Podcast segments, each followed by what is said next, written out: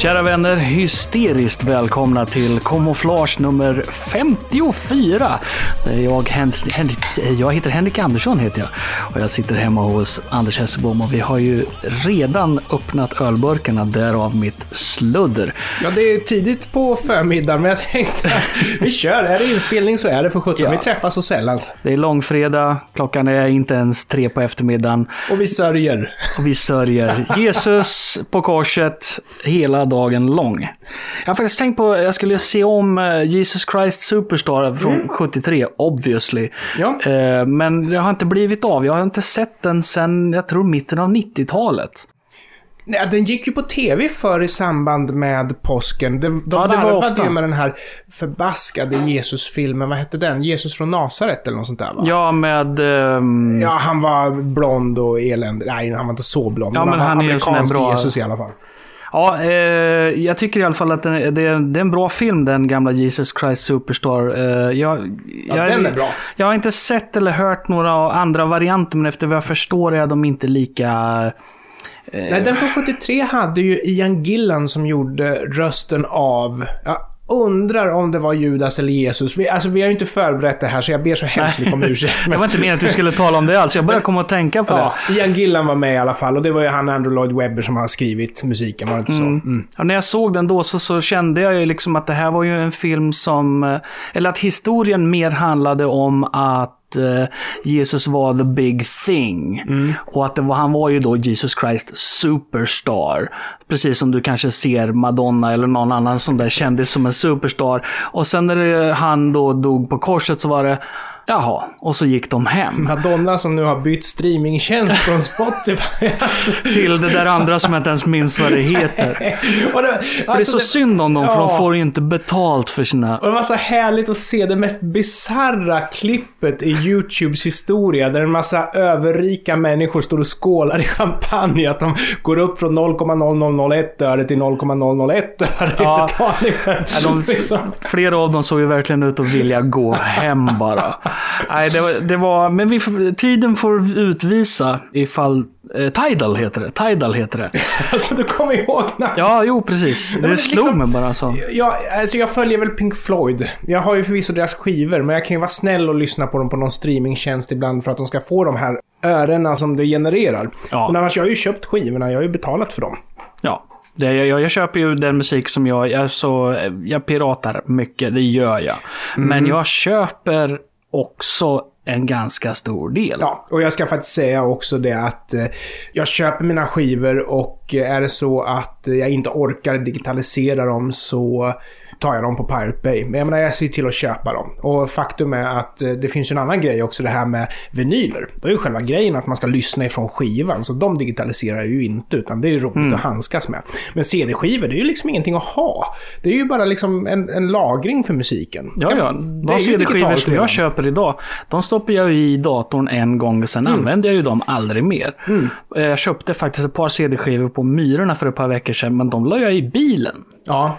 Och, och sen så är det ju också lite grann så att eh, har man köpt skivan så har man ju gjort sitt. Så jag har ju köpt skivor som jag inte har tagit bort plasten på. Mm. Fast begagnade skivor så vill de ju att man ska betala för också, tillbaks till artisten nu för tiden. Vad heter han? Garth Brooks. Säg igen, nu hörde inte jag vad du sa. Vad Gar- Garth Brooks Ja, är ju en countryartist och han gick ju i bräschen för några år sedan för att begagnade skivor, andrahandsförsäljning av musik var Ja. stöld likväl som pirat på internet. Är han nya Lars Ulrich eller? ja, men alltså, vad Han fick är det väldigt här? mycket Ja. skit för det här, det fick han ju. Men han menar Ja, ju på att det var ju fruktansvärt att köpa skivor från, sig, Myrorna. Ja, suck. Precis. Så är det. Ja, men alltså, låt oss vara i fred. Fin- Finns det någon som verkligen hatar Garth sin Brooks publik alone. så är det väl ja, vissa musiker. Jag tänkte säga rockstjärnor, men det är nog inte sant. Utan Mm. Garth Brooks och Lars Ulrich kan ju starta ett band ihop med hårdrockstrummor och plock-country. Vad bra det blir. Så är det. Men eh, på tal om att återanvända musik så är det ju faktiskt det vi sysslar med här i Camouflage. Vi pratar ju om gammal Är musik. det Garth Brooks? Vi eh, sysslar ju med musik från eh, Commodore 64 och eh, en del av låtarna remixas ju betydligt oftare än andra. Och man tänker, finns det verkligen mer sätt att göra den här musiken? Och då tänker jag på Comic Bakery. Det skulle vara coolt med en ragamuffin-version utav den. Ja, det skulle ju vara det bästa. om det fanns en sån. Tänk om det fanns en sån. Men vår go- gode vän, våran eh, underbara, eh, dessutom lyssnare av Camouflage, Johan Andersson, har ju förstås ställt upp och gjort en eh, riktigt skön och, eh, jag vågar säga, originell version av just Comic Bakery som jag tänkte att vi skulle lyssna på om du lägger örat mot eh, högtalarna just nu.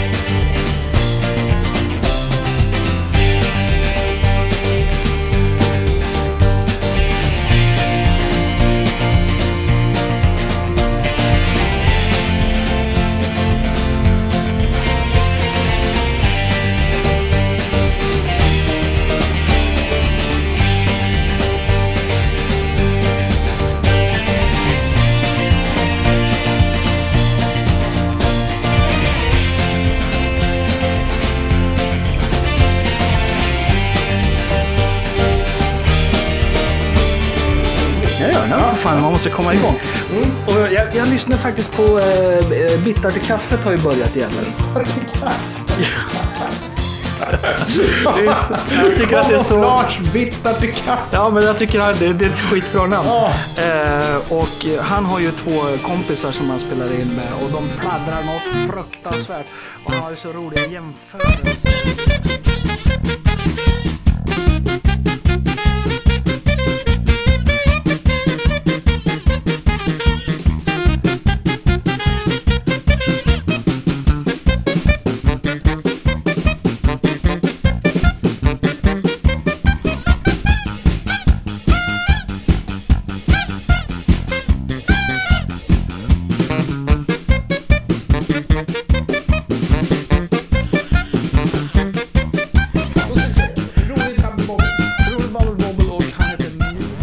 Där hörde vi en eh, lite Lattjo version av den klassiska Bubble Bobble. Jag tycker att det var en väldigt Ja, underhållande det var en frisk fläkt. Ja, och eh, killen som står bakom det heter Milo Fultz.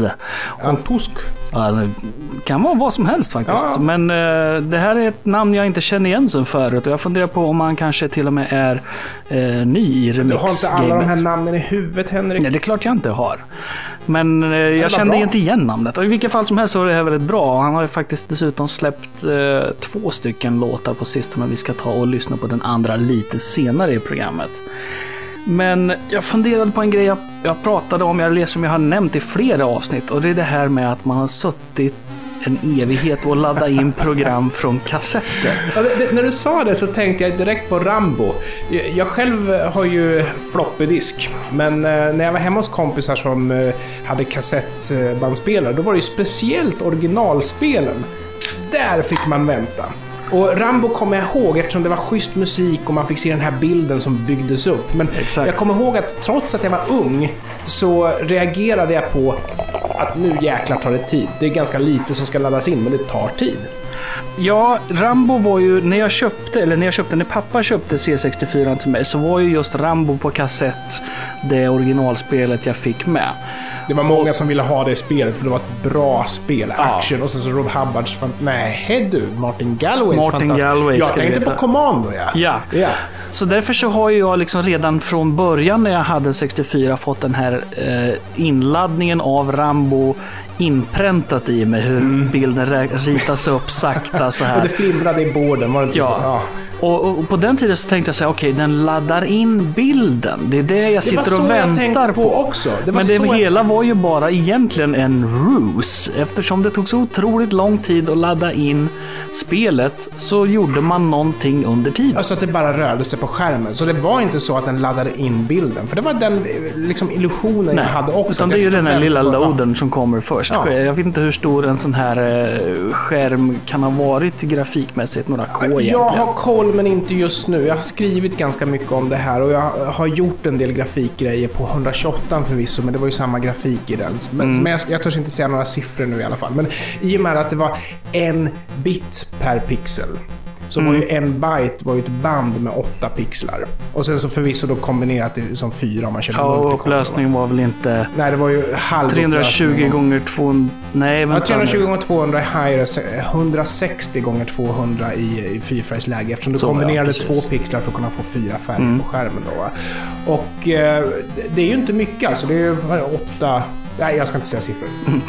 Så det jag gjorde var att jag satte mig ner och försökte lura ut hur långsamt gick det egentligen? Baserat på äggklocka och... Ja, jag, jag använde mig av Google och diverse hemsidor. Och problemet är att man fick ju olika bud hela tiden. Kvalificerade gissningar får man väl hoppas. Om man ser till den här klassiska C64 kassettbandspelaren, alltså den här Dataset 1530 heter den. Den överförde då från kassett i 300 baud. Och baud är ju en måttenhet för analoga signalöverföringar. ja, och det betyder i princip att det piper på bandet och sen så betyder varje frekvens någonting. Ja, en nolla och en etta helt enkelt. Varje gång den passerade, man säger signalen passerade noll, så upp till... Ja, jag ska inte gå in på det. I vilket fall som helst så var det svårt att översätta de här båd till bytes per sekund på grund av att det finns olika typer av eh, eh, checksum-bitar och sådana grejer som måste tas med i beräkningen. Och sen så viss information upprepades för säkerhets skull och så vidare. Men det jag förstår av de sidor jag gick in på och många olika gissningar och kvalificerade gissningar så rörde det sig om ungefär 50 bytes i sekunden. Alltså väldigt långsamt. Väldigt, väldigt långsamt är det. Och då, om man då tänker på uh, såna här människor som är supersnabba på att skriva på skrivmaskin. Vad kan de skriva? Så här 150 tecken i minuten eller vad är det? Ja, det Nej, närmar oh. sig ju. Ja, någonting sånt där. De skulle i princip kunna koda spelet Ja, nästan i, i realtid så. Som vi säger att ett program är 50 kilobyte stort. Det är ju inte osannolikt. Det är ett stort Det är ett 64-program i så fall, men det är inte 64-program. helt an- osannolikt i alla fall. Nej. Och då räknar vi alltså på att 50 kilobyte, alltså 50 gånger 1024 tecken, delat på 50 bytes i sekunden gör 1024 sekunder. Lång alltså tid, 17 alltså, minuter Ja, ja. för att ladda hem, eller för att ladda in 50 kilobyte från kassett i normal hastighet. Och det här fann man sig i, därför att originalkassetterna som kom, de hade ju ingen liksom, fix på det här, utan sitt ner, var tyst, vänta. Ja. Och hade man då inte haft den här laddningsskärmen, då hade man ju då efter fem minuter tänkt Laddar den överhuvudtaget? Ska jag stänga Idag av? Ska jag försöka igen? datorn hade kraschat. Ja, precis. Rör ingenting var det då. Lite som när man brände skivor och inte fick nysa på 90-talet. Ja, mm. Åh gud, bränna skivor på det tar vi ett annat 90-talet. kamouflage. Eh, men då fanns det ju då diskettenheter, diskdrivar. Ja, Eh, den var ju snabb som den var. ja, det var det ju. Men, men även där så utvecklade man ju turbo. Och vad jag har förstått nu så är det ju så att det finns ju två sorters turbo. Oavsett om vi pratar om att ladda från kassett eller att ladda från disk. Det var ju att få ner programmets storlek, alltså lagra färre bytes. Det som idag motsvarar att zippa filen. Ja, då, precis. va? Man, man packar filen då. va? Crunch eller något sånt där tror jag det Ja, hette. ja förr. det, det var crunching, ja. Precis, det är coolt. Men det andra var ju de som var lite, lite kodninja. De skrev ju helt enkelt egna rutiner för att hämta datat. Och då var det ju så att sparar du med den rutinen, då var du tvungen att eh, använda den rutinen för att läsa in. För då hade du helt enkelt lagrat informationen på ett annat sätt. Då. Mm. I alla fall en diskdrive. Om vi tar den, vanligaste diskdriven, eh, en 1541, som faktiskt inte var den första varianten. Utan 1540 var den första diskdriven, men Okej, den var ja. så pass buggig. Ja. Fungerade så pass dåligt helt enkelt att den skrotades ganska snabbt. Ja, jag körde 1571 som var mycket snabbare än 1541. Men grejen är att när jag gick in i 64-läge, jag hade en 128, då blev 1571 en 1541. 100%. Och då tappar man all den här eh, snabbheten då. För det, just den 1571 var det väl jag pratade om med Jonas Hultén. Okej, att han var ute efter en sån, för att den kunde ju läsa från båda sidorna samtidigt. Det stämmer, ja. Det var två läshuvuden. Exakt, och det var han, en sån var han på jakt efter. Det ville han ha tagit. Den är inte till salu kan jag säga. Ja. men alltså jag har inget sätt Gud, att få in mina du spel annars. De är ju dubbelsidiga mina disketter som jag hade en sån. Så det nej, kommer inte på frågan. I vilket fall, en 1541 överförde då alltså i 300 bytes i sekunder. Det är alltså eh, sex gånger snabbare än en kassett. Eh, ett 50 kilobyte förs då alltså över på ungefär strax under tre minuter. Och det är ju en, en, en enorm skillnad om man säger redan där i grundutförande i normal hastighet. Ja, men vi stod ju inte ut med att ladda in ett spel utan turbo. För då om du hade ett piratkopierat spel som var packat eller crunchat så var det kanske på 100-150 blocks nu då. Och du nämnde att du hade ungefär uppfattning om vad det var, 100-150 blocks. Eh, en block är 256 bytes. Ja, just det. Så 200 block motsvarar 50 kilobyte. Ja, precis. Men det tog ju en stund att ladda in det också, trots att eh, 1541 var snabbare. Men då hade vi de här turbosarna och då var det så att då kunde du läsa samma fil, men du kunde med en eh, mjukvara få diskdriven att helt enkelt leverera snabbare. Och det var ju ett superknep som vi hade som inte fanns på kassettbandstiden eftersom du kunde inte få kassettbandet att leverera snabbare. Det roliga är Nej, ju så det, snabbt det var ju inspelat som det var. Den där var ju tvungen att, hade du en turbo där så var du tvungen att spara i ett annat format helt enkelt.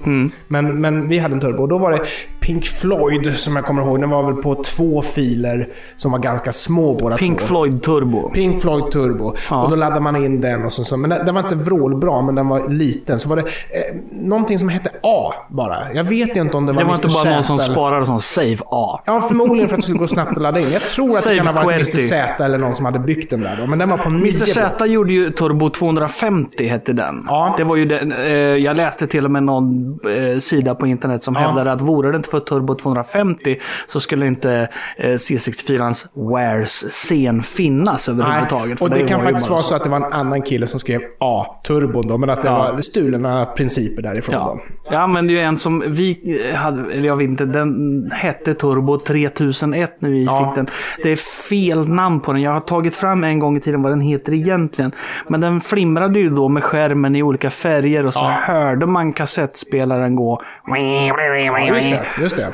Och det var, var ju betydligt eh, mer... eh, man kunde se att det hände någonting. Ja, precis. Och, och, bara för att avsluta det här med A då. Att, eh, det var ju lite väntetid för att få in turbon, men sen laddade ju programmet toksnabbt. Men då visade den bara en ljusblå skärm, så då var man ju tvungen att lita på. Men då hade ju faktiskt diskdriven hade ju det här signalsystemet, att den lyste konstant när den läste. Och sen så skulle något bli fel så började den blinka istället. Då. Idag är man ju van att hårddiskarna, de ska blinka när de läser.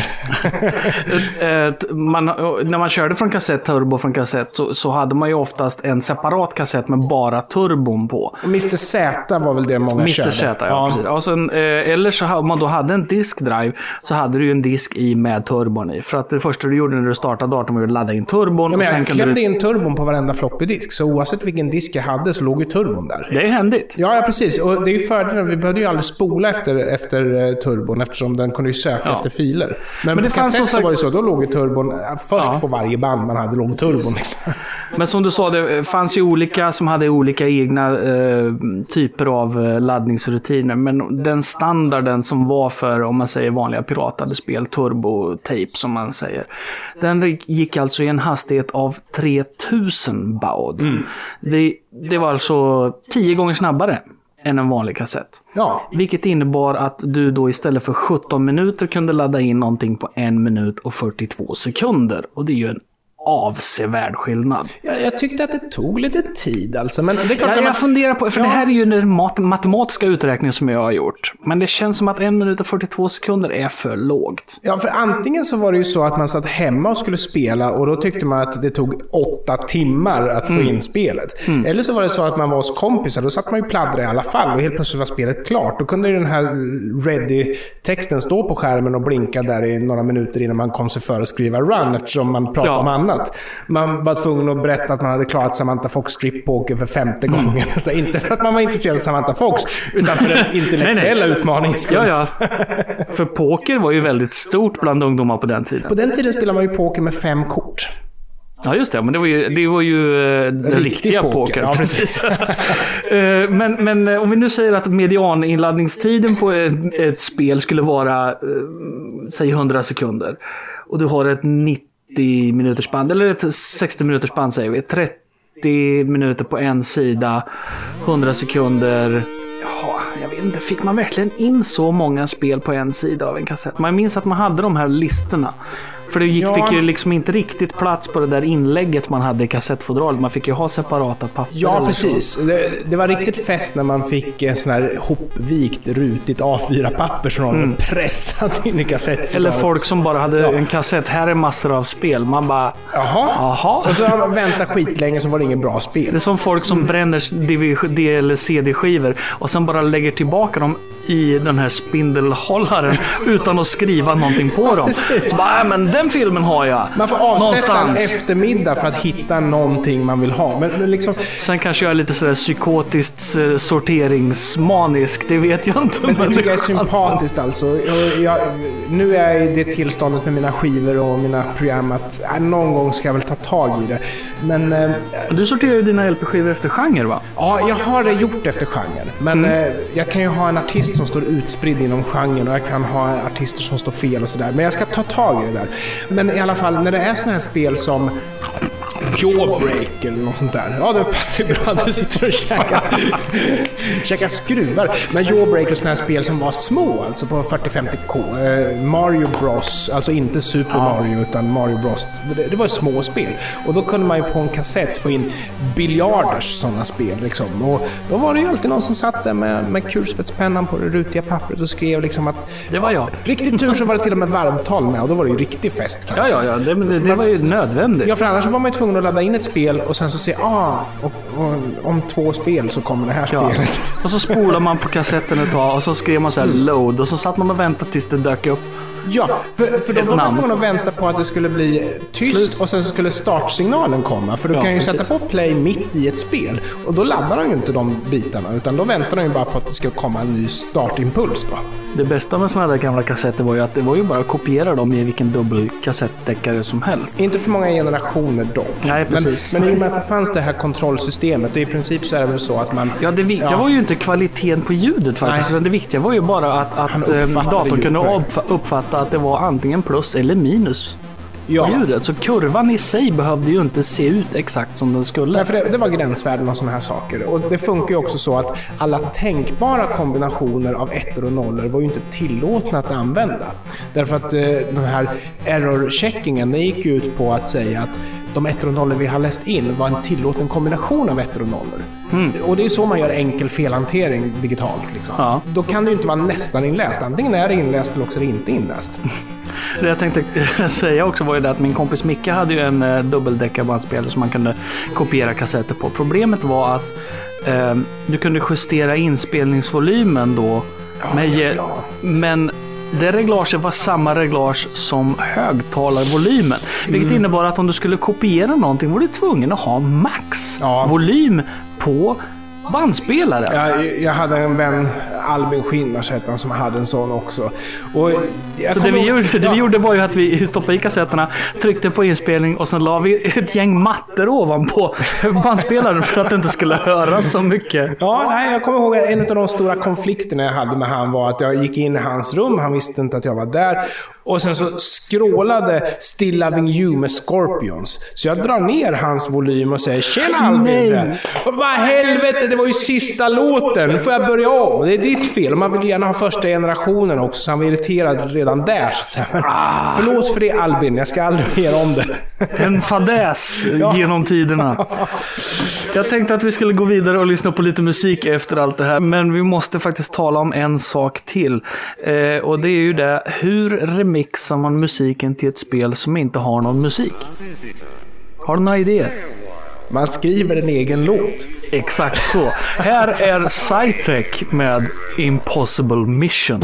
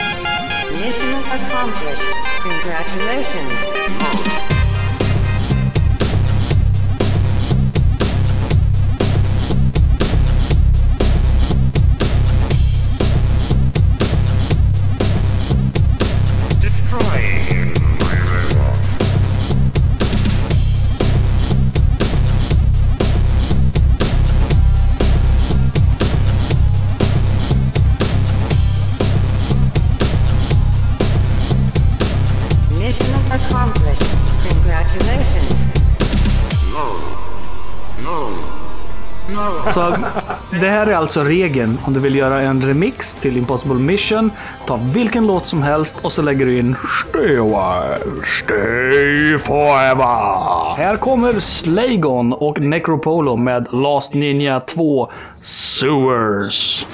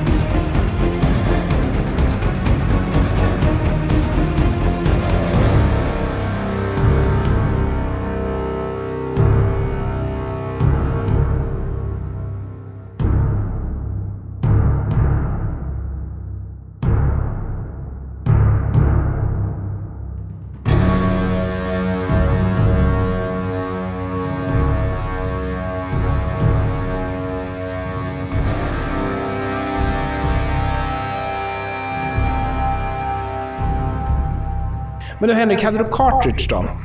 Jag hade inget cartridge själv. Däremot så var, hade jag ju eh, vänner som ibland kunde låna ut eh, sina cartridge till mig. Så därför så har jag ju testat flera olika. Till exempel de stora Action Replay 6 och eh, The Final Cartridge 3 var ju eh, ett par av de cartridge som jag Action testade. Play, det var ju många. Så det var nästan den bästa skulle jag tro. Det var den här röda cartridgen Mm. och den var ju bäst på det sättet att den sparade ju på ett betydligt bättre sätt än vad eh, Final Cartridge 3 gjorde. Ja. Som sparade med sin egen loader och dessutom envisades med att spara hela datorns minne. Ja, jag hade själv en Freeze Machine. Det var ett eh, orange cartridge. Så det var väl i princip Final Cartridge fast lågprisvariant då. Och den hade en knapp. Det var frysknappen. Inte två knappar, frys och reset som de flesta hade då. Jaha. Men, Men eh, Freeze Machine, den var faktiskt schysst. reset-knappen var väl egentligen mer användbar än freeze-knappen? Ja, alltså jag hade ju en 128 så jag, jag hade ju reset-knapp i Ah. hårdvaran vet du. Så var det. Men eh, Freeze Machine den var väldigt duktig på att hitta spelet i minnet så att eh, spelen blev liksom 100 block, 150 block, kanske ibland upp till 200 block då på disk. Medan den här jäkla Final Cartridge, trean var det va? Ja. Det ena som var irriterande med den var ju den egna loaden och att den sparar hela minnet. Så det var alltid 250 block som hamnade på film. Men det andra var ju... Vad ska du med dina diskutrymmen till? Dyrt med diskar. Det kostar ju 10 spänn styck de här floppy-diskarna. Fem och en kvarts tum. Men, men sen så var det det här förbaskade GUIT också som var i... Alltså, det såg ut som Amiga Workbench med blå bakgrund och vita Det var ju fönster. väldigt likt det här Geos som Ja, fast fanns. Geos var ju ljusgrå bakgrund med svart eller mörkgrå text eller något sånt där. Men själva designen Ja, men var designen ju... var. Du kunde Fast inte- Hur många olika sätt kan du göra ett, ett grafiskt interface på på 64? Ja, du hade inte så många pixlar att spela på. Och det här med att kunna flytta fönstren, alltså det kunde du inte göra i Windows 1 heller, så det är väl inte så konstigt att du inte kunde göra det Nej, varken. Geos eller Final Cartridge. Men liksom, visst känns det lite grann som att, ja, nu jäklar ska vi vara moderna. Ja, men, eh, det var ju... Alltså, det, Det är lite grann fanns som ju... Apple. De bygger ju sin hela företagsidé på att deras användare inte kan utföra enkla saker med tangentbordet. Lite grann att det segmentet vänder sig väl... Absolut, men sen, eh, och, och det formar ju dessutom de eh, människorna som användare. Och de Ja. ut, eh, utgår ifrån att det är så här man arbetar med någonting sen. Och så, så kanske de sätter sig vid en PC och tänker, varför är det så komplicerat? Det är en sån här grej som jag stöter på jobbet ibland att, eh, ja men Anders, du kan väl det här och det här och sen så är det något GUI man aldrig har sett förr. Ja, jag har ingen aning. men, men när det är textkommandon så vet man ju ungefär hur man ska gå tillväga. Då- Ja, men det här är C-syntax. Ja, men bra, då skriver vi så här och så här så ser vi vad som händer. Mm.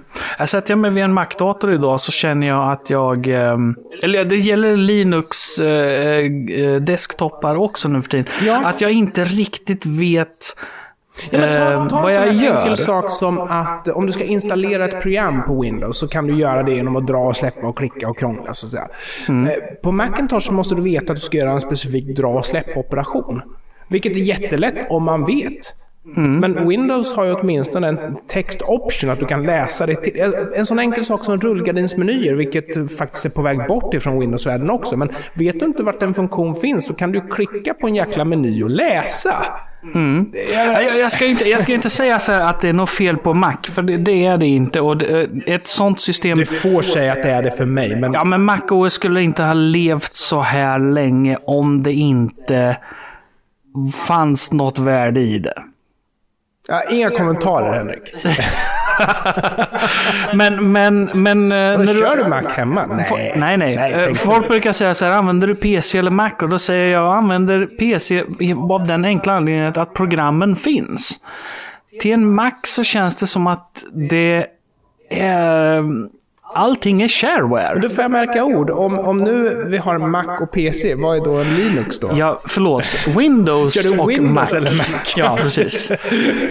och, eh, och för den delen har jag faktiskt provat Windows 10 och finner att det här är nog ett operativsystem som jag kan köra med när det väl släpps skarpt sen. Jag har inte provat. Och grejen är den att jag kör med eh, Microsofts flaggskepp när det gäller mobiltelefoner. Det är Nokia Lumia 930. Och eh, nu har har Microsoft rullat ut Windows 10 till alla sina Lumia-telefoner utom, Utom. 930. Därför att de har en 930-specifik bugg, säger de. Så, Ah. så jag menar, jag som köpte deras lyxtelefon, jag kör gamla Windows 8.1 i den. Nej, men du kör ju Windows 8 på datorn Jajamän. eh, och, och så vidare. Och jag, jag, har, jag har svårt för det. Jag har inte riktigt... Jag känner inte... eh, Det är svårt för mig att få en överblick över rutor med ikoner i. Jag gillar inte det. Nej. Och det är ju det som Windows 10 gör på rätt sätt. Visst har man rullat tillbaka lite grann. Man behåller den här lite snyggare, kantigare Ja. och renare designen. Men att man går lite grann tillbaka till funktionalitet. Samtidigt så 7. är det ju Metro fast bättre. Ja. Nu är det inte det vi ska tala om här i kamouflage. Utan vi, vi, har, vi har helt enkelt bara glidit iväg från ämnet. Spektrum. Nej, det vi skulle säga var ju det att eh, vi pratade om laddningstider till C64. Och vi gick in på cartridges för att tala om för er att det fanns ju cartridges som även hade diskturbo. Ja. Och en Action Replay 6 har jag lyckats googla mig till här. Kunde alltså ladda hem 50 kilobyte, 200 block på inte mindre än 9 sekunder. Börjar jag tänka på att det kanske är ännu snabbare än A-turbon som jag nämnde tidigare. Det är det ju definitivt. Eftersom en vanlig turbo kunde då ladda in 50... Eller ja, A-turbon, du menar från disk då? Jag menar från disk. Ja. För det, det var en diskturbo. I vilket fall som helst så är 9 sekunder en mikrosekund i C64-sammanhang. Ja, ja visst. Och jag brukar förklara, nu när vi ändå har varit inne och pratat om Mac och PC och sånt där. Jag brukar försöka förklara vad jag hade för processorer i min dator eller mina datorer på den tiden. Och vilka överföringshastigheter och busshastigheter man hade. Men, men jag menar, de kan ju inte greppa det. Nej. Försök att förklara idag att huvudprocessorn i en Commodore 64 var på drygt 3 kHz. Idag pratar man ju inte ens om varken kilohertz eller megahertz utan om gigahertz. Och då Ja. har man multipla kärnor dessutom idag. Och gigaflops och teraflops. Då har vi alltså utvecklat så pass... för Det måste också sägas att såna här cartridges till 64 kunde ju inte ladda in originaldiskspel snabbare heller. Nej, nej, nej. nej, nej, För nej. att originaldiskspel, de hade ju ofta kopieringsskydd och sådana grejer implementerade, vilket gjorde att det måste läsas på ett specifikt Ja, sätt. du var tvungen att läsa originalspelen med originalspelens egna loader för att det skulle funka. Ja, så, vi- det här var ju återigen crackade... Alla de här fina produkterna som vi pratar om, alltså vi, och vi pratar om säkert 600 spänn för ett eh, bra cartridge till 64. Allt det handlar ju om att man ville betala... 80-talspengar. För, ja, i 80-talspengar. Det handlar ju om att man vill betala för hårdvara men inte för mjukvara. Köp den här prylen så slip, för 600 spänn, så slipper jag köpa mina kassetter för 69 spänn på Åkes Radio och TV. Liksom. Precis, ja, det är återigen en eh, Piraterna vinner. Som, som med filmkopieringen i dagens läge. Vi ska inte gå in på det. Men om vi då alltså går direkt från början här. En originalkassett på 50 kilobyte, 17 minuter. En disk med Action Replay 6, 9 sekunder. Ja, 17 minuter och, Och det 9 säger någonting om sekunder. problemen som Commodore hade med att göra en bra loader. Vet du att en av de anledningarna till att eh, 65 alltså Commodore 65 inte kom ut, det var ju naturligtvis att Amigan var en stor framgång, så det fanns ingen anledning att göra en ny 64. Men en annan anledning var ju det att den hade en integrerad 3,5 tums diskett, men den läste så bedrövligt långsamt. Det, det var en av faktorerna. Men givetvis, Amigan är naturligtvis den viktigaste anledningen till att vi inte fick en tredje uppdaterad VIC-64. Ja, nej men eh, Piraterna har ju alltid en, eh, en ambition att göra saker och ting bättre för oss vanliga användare. Men sen har vi ju det också att eh, C64 kom ju ut egentligen för tidigt. Den var ju inte färdigutvecklad. Och som du, jag sa med, eh, med diskdriven 1540, den var inte färdigutvecklad. Nej. Utan man säger oftast att vi ska släppa en dator, det och det datumet. Och sen så hypar man upp sig själva på någonting som man inte kan leverera och sen så blir det lite som det blir. SID-chippet var ju också inte heller egentligen färdigutvecklat. Det är ju felaktigt. Ja, och sen så finns det ju faktiskt features som brödburken saknade, men som den vita 64 kunde göra.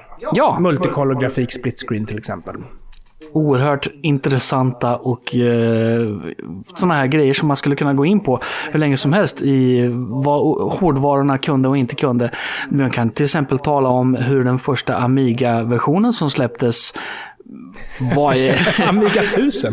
det var inte vad en Amiga skulle vara och senare kom att bli. Så om du skulle jämföra en Amiga 1000 med en Amiga 1200. Ja. Det går ju liksom inte. Men vad hette de där? Amiga 3000? Amiga 3000 som jag skulle säga är det bästa hårdvarubygget som någonsin har kommit ut ifrån Commodore alltså. Som hade, den hade PCI i, eh, vad heter det, portar, hade den inte det? Ja, eh, det var en desktop. Den såg ut som en PC helt enkelt. En 386 på den tiden. Ja, det gjorde väl 1000 och 2000 också? Undrar om inte 2000 man Tower faktiskt.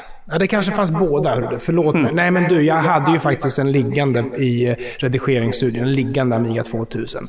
Men eh, det jag kommer ihåg det var ju att eh, det var ju betydligt mer lättmäckat att jobba med Amiga 3000 än Amiga 4000 till exempel. För visst finns det folk som fortfarande sitter med 3000 och tycker att det är... Ja, ja, ja. Och, och speciellt om det är så att du har en hemmaredigeringsstudio med video. I och med att den har inbyggt stöd för genlocking och sådana saker. Du kunde, det, det här med att du kunde filtrera bort bakgrundsfärgen och lägga pixlar ovanpå det. Det som gör att det lite grann har försvunnit idag, det är ju att förr så var ju TV kompatibelt med den upplösningen som Amigan hade. Med overscan så var det ju... Men, men idag så är det ju HD och grejer och då är det klart, då duger ju inte Amigan helt enkelt. Du, jag tycker att vi tar och startar lite Spektrum 128-musik.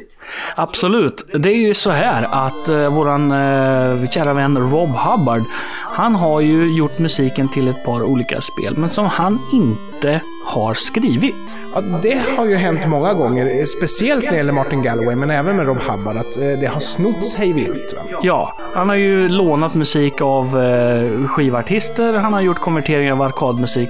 Men vad det gäller de här spelen, Thanatos och Sigma 7, så är musiken faktiskt skriven för Spectrum av en kille som heter Julian Breeze.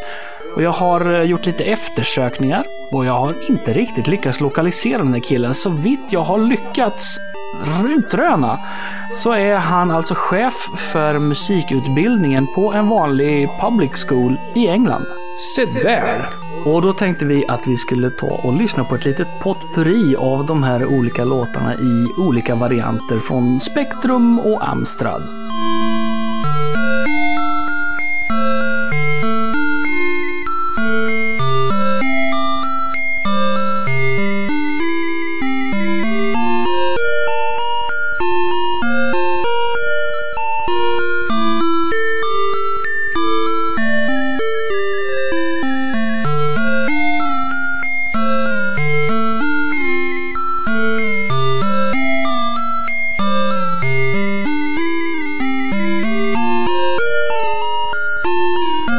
Sen har vi Sigma 7 som också är en, eh, en riktigt skön låt som jag tycker själv. Och därför så skulle jag vilja spela den här Spectrum 48K-versionen för er så att ni ska kunna ändra uppfattning om just det. Det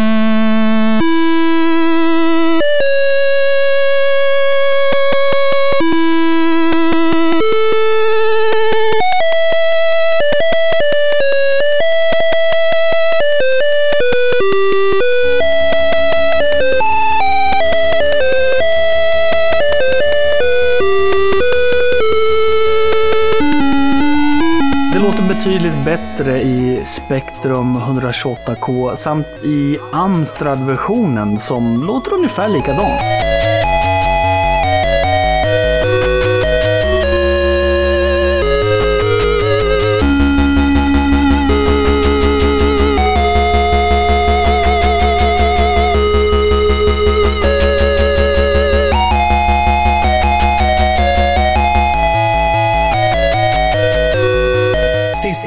Amstrad-versionen av Sigma 7 av Julian Breeze. Kommer du ihåg det här avsnittet av Family Guy när... Jag kommer inte ihåg några avsnitt av Family Guy för jag avskyr Family bra. Guy. Vid ett avsnitt så ska killarna åka och se Barry Manilow live. Och det börjar ju med att ah, Barry Manilow kommer, tjejartist, så töntigt. Och sen, ja fast den här och den här låten är ju bra, men det är ju bra. Och så, och så, ja, så visar det sig att alla älskar Barry Manilow. Mm. Och så visar det sig att Barry Manilow älskar Commodore 64. Det vet jag faktiskt inte. Jag vet inte om han vet vad det är. Men, du sa korrekt tidigare att eh, Ghost and Goblins, eh, 64-versionen av Ghost and Goblins, har ett riff som är snott ifrån Chopin. Ja, just det. Det är Chopins Prelude number 20 som han har. eh, Han gjorde en, en, en, en väldigt lång räcka med olika preludes. Så nummer 20 har en pianosekvens i början där som användes till introt av musiken till Ghosts and Goblins. Och jag då som inte lyssnar på Barry Manilow, för jag tycker också att det är lite tjejmusik. Men jag plockade upp en skiva på loppis och eh, kände igen pianointrot på en låt som hette Could It Be Magic? Vi kan börja med att lyssna på Ghosts and Goblins och hur ackordföljden går i början av eh, originallåten.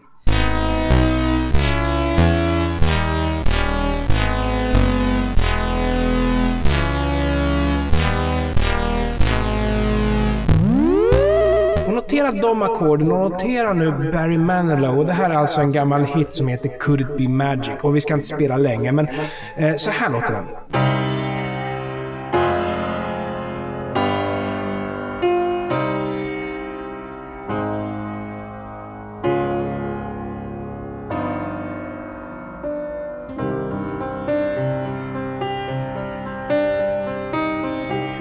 Väl Barry Manilow snott från Chopin som också då, vem är det? Mark Cooks eller vem är det som har gjort? Mark Cooks Ja, gjorde musiken till, eller fast han gjorde ju väl eh, en eh, arkadkonvertering. Ja, men nog sjutton måste det vara snott ifrån samma ställe för det är ju samma ackord och det är samma Absolut. typ av riff. Helt otvetydigt. Ja.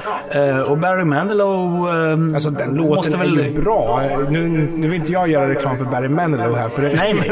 nej, det är ju efter vad jag förstår en av hans mer kända låtar. Ja. Och det är ju en... eh, han gör ju en väldigt god insats och det är väldigt bra musik. Jag vet inte hur Barry Manilow egentligen är. Om han är en sån här... Han är soft eh, alltså. Det är ju liksom jag romantiskt. menar mer om han är en sån här människa som gör sin egen musik och ja, ja, ja, han är singer-songwriter. Absolut, han skriver sin egen musik. Okej, så Jajamän. han är inte bara en jag står på scenen i Las Vegas. Nej, nej, nej för tusan. Utan han är en riktig musiker. Det är bara det att han har ett, valt att inta liksom ett segment utav Mm. romantisk musik, så att säga. Så han kan få respekt helt enkelt. Han kan få respekt. Det är inte min typ av musik, men han är, han är väl värd all respekt han kan få. Hur tror du han skulle reagera om man eh, sa Hörru du, eh, Ghosts and Goblins? Nej, men som sagt, alltså, vi får ju tänka på att han var ju vuxen när 64 lanserades. Jag tror inte han har en aning Jag är om helt säker på att den här låten kom ut långt innan Ghosts and Goblins. Det. kanske vi ska kolla. Det kanske vi ska kolla. Vi tar en snabb eh, Wikipedia-sökning här för att ta reda på huruvida eh, det är så att Barry Manilow har stulit från Commodore 64 eller ifrån Chopin. Vad tror ni som eh, lyssnar på Alltså, jag, jag tror inte datumet spelar någon roll för vem man har stulit ifrån. 1975, så långt före Ghost and Goblins. Mm, ja, jag är fortfarande inte övertygad alltså. Fast nu helt plötsligt så kan du ju inte förneka. Men nu är det så här, jag ser här att det har alltså gjorts en cover på den här låten av Donna Summer samt Take That. Men det här är ju, eh, det står ju till och med på, på Wikipedia att eh, based on chord and melodical progressions of Frederick Chopins Prelude in C minor, Opus 28 number 20. Se där! Så jag menar, då har vi det svart på vitt att de har stulit från samma ställe. Då kanske du inte kan hävda längre att Barry Manilow har spelat Ghost and Goblins där. Det här ska jag också sno. Får Chopin royalties för, eh, Nej, för Barry Manilow? därför att upphovsrätten upphör att gälla mm, 50 eller 75 år efter upphovsmannens död. Chopin är död alltså? Eh, lite. Jag vill inte säga rent konstnärligt, men rent fysiskt så är han där. Ja, ja, jag förstår, hur- jag förstår hur du menar. Så är det. Vi ska gå vidare i programmet. Eh, vi ska lyssna lite grann på en eh, jävligt skön remix faktiskt av en av de gamla stora klassikerna, Spy vs. Som för övrigt var ett riktigt bra spel, speciellt tvåan? Det var lurigt. det var ett sånt där spel som... för motspelaren. Det var det Hade man haft manualen hade det förmodligen gått lättare. Piratkopierat! Jag? Never. Det här är i alla fall kompositören FZN. Vågar du uttala det? Eh, nej, men det är han. Fin med Spy vs. Spy.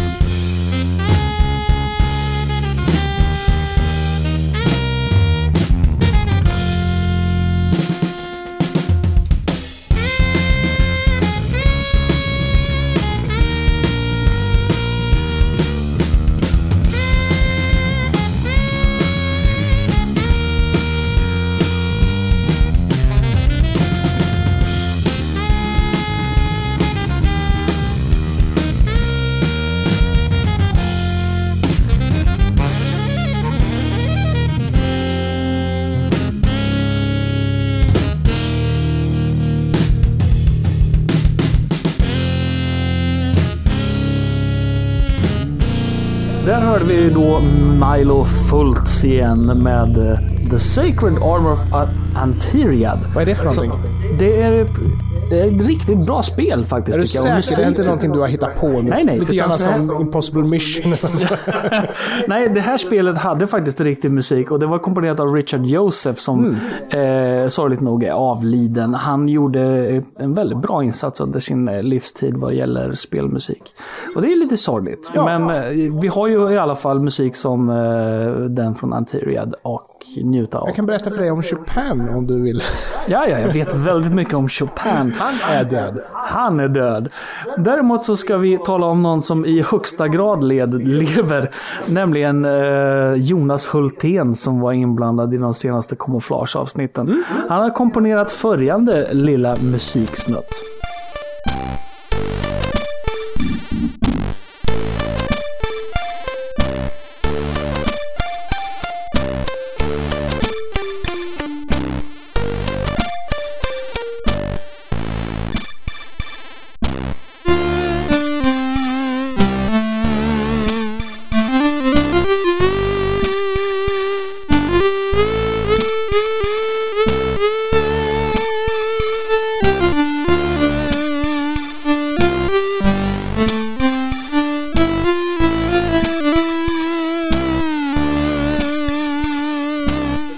Alltså intromusiken till Bruce Lee 2. Som han har komponerat. Det här var inte en remake eller? Nej, han har komponerat den där lilla snutten själv och har som intro till sitt spel. Ja, för nog är Bruce Lee 2 en remake av ett PC-spel? Det stämmer. Det är ett PC-spel som gjordes av Bruno Marcos 2013.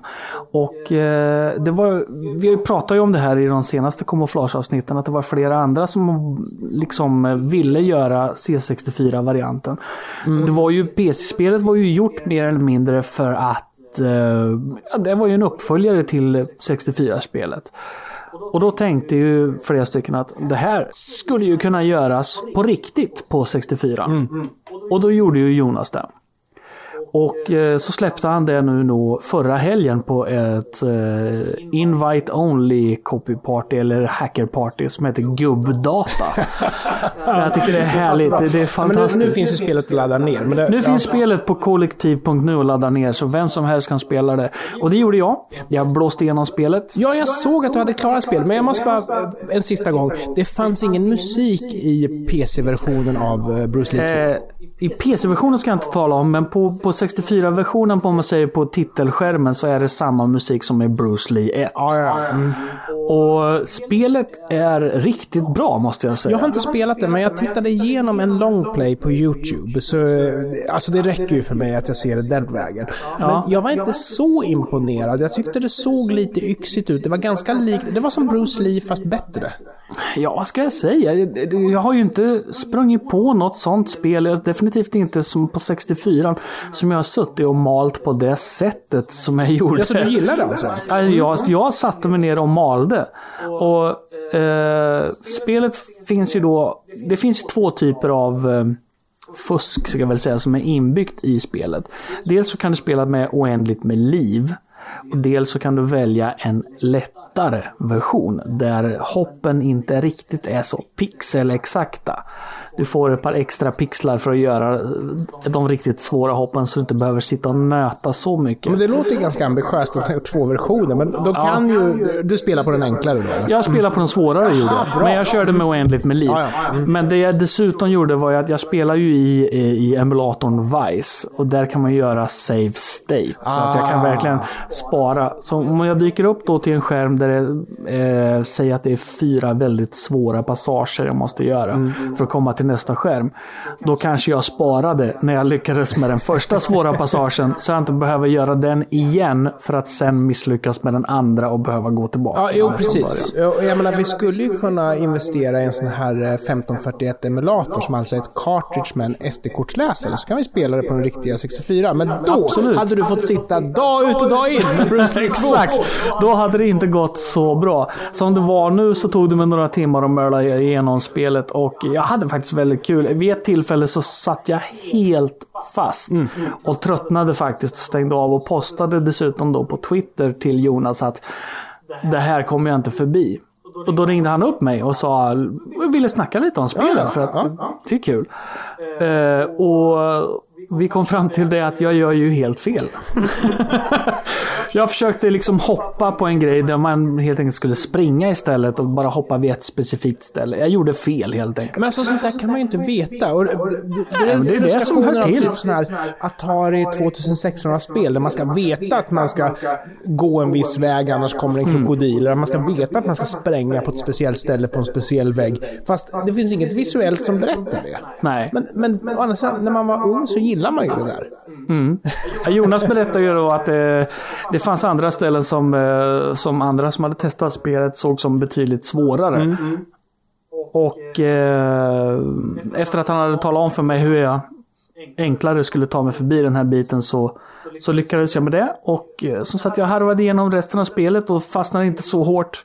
Men eh, han hävdar att det finns folk som klarat av spelet med de tio liv man blir tilldelad i början av spelet utan att fuska. Ja. Oh, jag vet inte hur de gör för att det är verkligen fucking skitsvårt. Speciellt den här sista bossen. Eh, att ta honom på första försöket finns ju inte i världshistorien. Men eh, jag tyckte att det var en väldigt trevlig spelupplevelse. Och jag tycker definitivt att det här var värt att han la ner så lång tid som gjort, så många månader som han la ner arbetet på att göra den här eh, Det säger någonting om att spelet är välgjort. Alltså för du kunde göra ett kommersiellt spel på en månad på den tiden. Mm. Alltså. Men det här är ju ett välgjort spel. Och det, alltså, ursäkta om jag Han lät har ju lite... gjort ja. det här själv. Ja, precis. Han har gjort det här själv. Henrik, eh, får jag pitcha en grej? Ja, ja visst absolut. Jag lyssnar. Ja, eh, Highlander 2. Du kommer ihåg Highlander till C64? Ett dåligt karatespel, eller svärd fäktades man med. Men Highlander 2, det är ett plattformsspel. Där man börjar som gammal gubbe. På, Var det inte så i filmen Highlander 2 att de flög runt ja, precis. och fäktades? Och man, ja, ja, visst. Men man börjar som gammal gubbe och sen ska man göra ett uppdrag för att bli en ung highlander och sen ska man åka till jorden och sen ska man ta ner en eh, sköld, en reflektorsköld. Det är väl ett spel som borde komma. Du får ju helt enkelt eh, konstruera spelets upplägg och se ifall det är någon eh, utvecklare som vill ta, hand, ta sig an det. Highlander 2. Ungefär så tänker jag mig. Ja, ja. Du har introskärmen. Du har samplingen. Highlander 2! Och sen så... Men med det sagt, eh, Bruce Lee 2.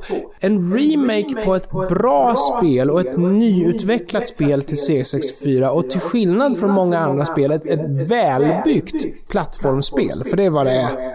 Absolut någonting som jag tycker man ska lägga tid på och gå in på kollektivet.nu för att ladda hem spelet alldeles gratis. Dessutom i flera olika format som ni kan till exempel just lägga på ett SD-kort och spela i er sån där SD-läsare till er riktiga 64. Och är det så att ni lägger det på ett SD-kort och läser in det den vägen så kan ni ju faktiskt också spara det på en floppy-disk och ge det till era vänner som har C64. Alltså, alltså Det tycker jag skulle vara det absolut bästa om folk Ja. började swappa kassetter kanske. Om någon lägger över en Bruce Lee 2 på en kassett och skickar till mig, då kommer jag bli den lyckligaste människan i världen. Och eh, kassetter tillverkas ju faktiskt fortfarande. Floppydiskar, det är ju liksom det som finns i lager. För Sony har ju lagt ner tillverkningen där bland annat. Men det finns ju fortfarande att få tag på. Och eh, om inte annat så kan du ju faktiskt skriva över några av de gamla floppisar med piratkopierade spel och istället nu när Jonas har varit så vänlig och gjort det här spelet gratis. Ja, absolut. Ja.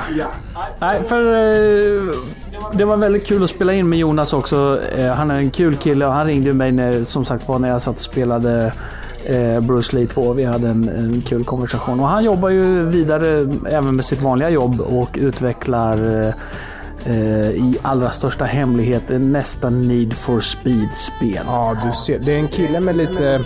Han vet vad han gör den här Så snubben. innan vi lämnar det, se till att öppna era webbläsare. Gå in på kollektivet.nu med K och 2L och ladda hem Bruce Lee 2. Det är väl värt det. Absolut. Och nu gör vi en liten throwback för i avsnitt 43 så spelade jag musiken till Task 3. Och här kommer musiken till Task 3 fast med Trace och Mahoney.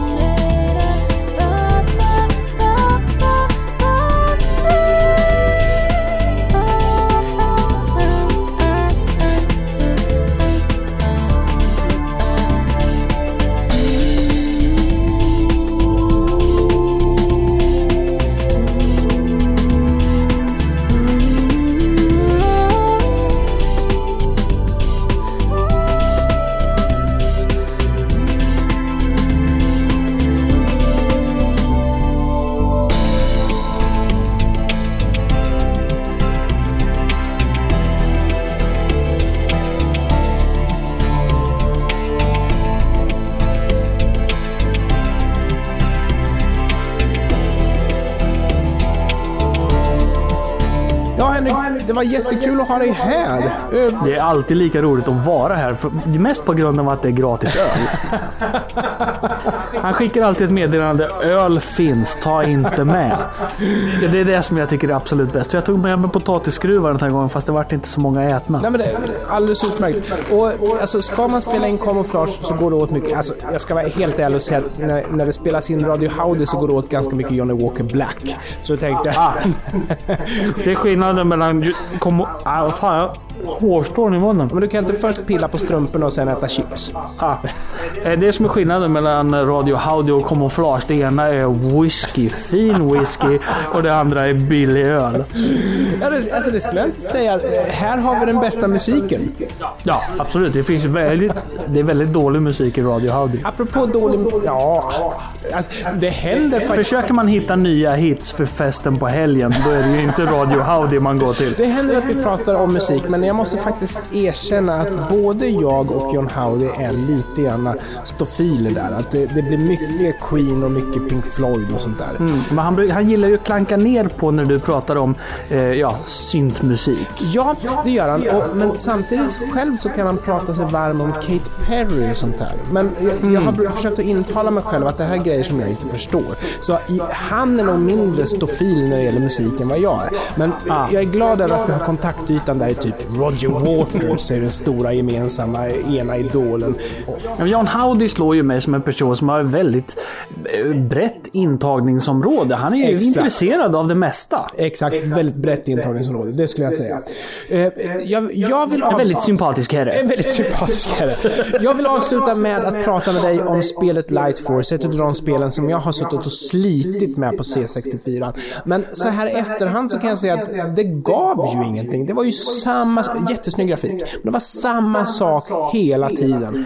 Det är ju inte ett särskilt originellt spel egentligen om man tittar på det. Om man ser det från 2015 så är det egentligen ett helt vanligt vertikalskrollande shoot 'em up. Och för sin tid så var det extremt väl genomfört. Det kan jag verkligen inte säga någonting om. Men, men just att det var liksom aldrig speciellt. Men musiken, Ja, Inte världens bästa låt, men vilka... Jo, Okej, det kan okej, vara världens bästa låt. Men vilka ljud tänkte jag säga. För det, den här håller ju kvalitet. Vi skulle kunna absolut. spela originalet istället för en remix. Vi skulle kunna spela originalet, för så bra är det. Se- Istället så har vi en remix som eh, håller sig väldigt mycket till originalljuden. Vilket är En bra sig kompromiss. En mycket bra kompromiss. Ska man göra trummor och elgitarr och sånt där, då det är klart, då kommer ju SID-chippet att eh, komma fram som en dålig emulator. Men eh, ska man göra syntmusik, då är det ju snarare så att många väljer ju in att använda SID-chippet, för där kunde SID-chippet leverera. Ja, definitivt. Och Light Force är ju en sån låt som är... Den är så episk. Den är så stor. Den har... Den är inte melodiös, utan det är soundet och eh, genomförandet skulle jag säga. Ja. Vi pratar naturligtvis om den store Rob Hubbard. Rob Hubbard. Jag, jag känner till, jag har hört det namnet i vid fler än ett tillfällen. Eh, så sent som i det här avsnittet av Camouflage. Som nu tyvärr lider mot sitt slut. Vi kommer att avsluta med just Light Force. Och eh, Anders, Ja. jag är jättetacksam över att jag får komma hit och spela in ihop med dig. Ja, tack för att du eh, ville komma. Ja, och jag är dessutom oerhört tacksam för att just du har lyssnat ända till slutet på det här programmet. För att om det inte vore för lyssnarna så skulle jag förmodligen göra det här programmet ändå. tror jag. Och de lyssnare som fortfarande är kvar, det måste ju vara de mest tålmodiga och de mest tappra människorna som lever. Ja, ni är tålmodiga, ni är tappra och ni får hemskt gärna kommentera på programmet på eh, camouflage.heltperfekt.com eller på Facebook-sidan helt Eh, vad blir det? Facebook.com camouflage. Sök på camouflage. Sök på camouflage. Det funkar alldeles utmärkt. Och det allra, allra trevligaste vore ju om ni talade om för en kompis att det här är en riktigt bra podcast som du behöver lyssna på. Gilla hemsidan, ring en vän och tipsa era vänner. And they call three friends and I call three friends and so on and so on and so on. Det här är Light Force remixat av V. Kaufman. Och tills nästa gång så ber jag er att ta det väldigt, väldigt lugnt. Adjö!